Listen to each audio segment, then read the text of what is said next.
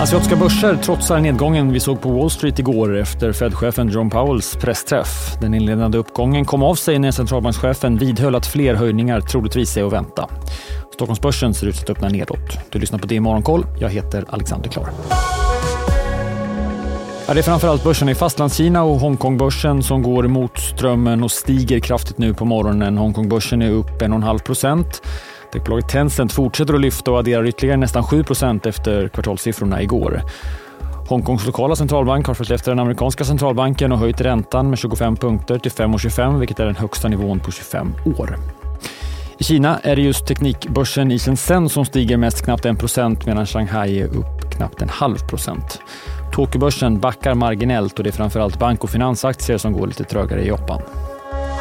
Policies need got to be tight enough to bring inflation down to 2% over time. It doesn't all have to come from rate hikes. It can come from tighter credit conditions. Highly uncertain how long the situation will be sustained or how significant any of those effects would be, so we're just going to have to watch.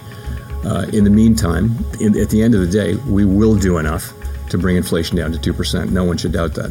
Ja, den amerikanska centralbanken ledd av Jerome Powell höjde som väntat räntan med 25 punkter till intervallet 4,75 till 5 procent.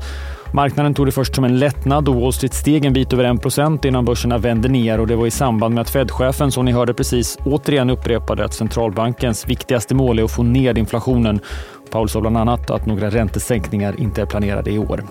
Fed-ledamöternas nya prognos pekar på att räntan kan höjas med ytterligare 25 punkter i år.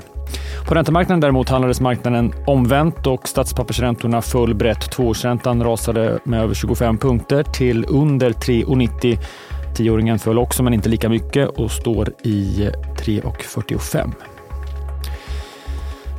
S&P 500 vände och stängde ner 1,7 procent. Nasdaq 1,6 och bland enskilda aktier så var det återigen tufft för bankaktierna efter att finansminister Janet Yellen sagt att man inte överväger att försöka kringgå kongressen för att besluta om några totala insättningsgarantier i landet. I dagsläget. Har du också valt att bli egen? Då är det viktigt att skaffa en bra företagsförsäkring. Hos oss är alla småföretag stora och inga frågor för små. Swedeas företagsförsäkring är anpassad för mindre företag och täcker även sånt som din hemförsäkring inte täcker. Gå in på swedea.se företag och jämför själv.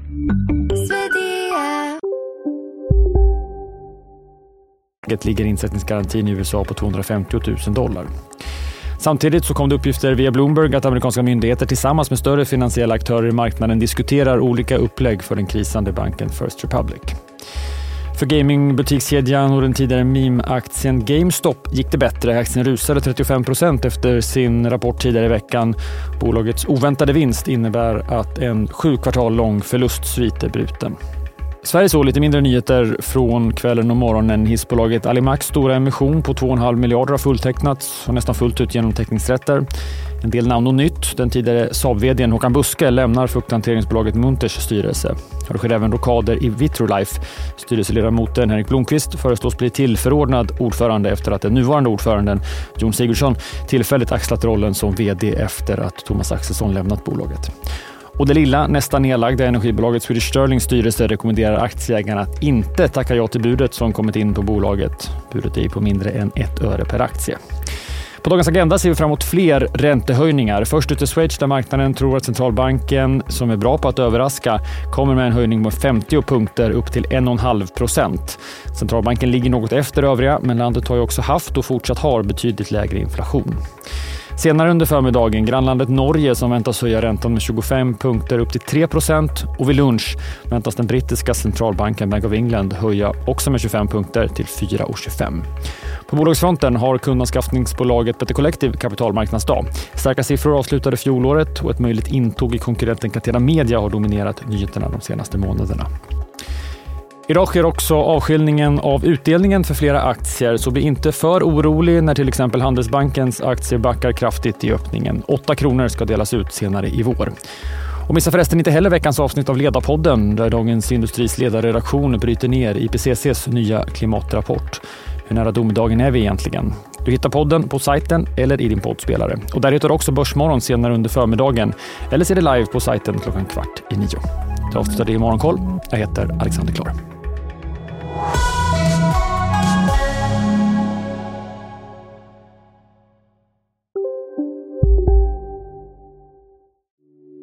Hej, Ulf Kristersson här.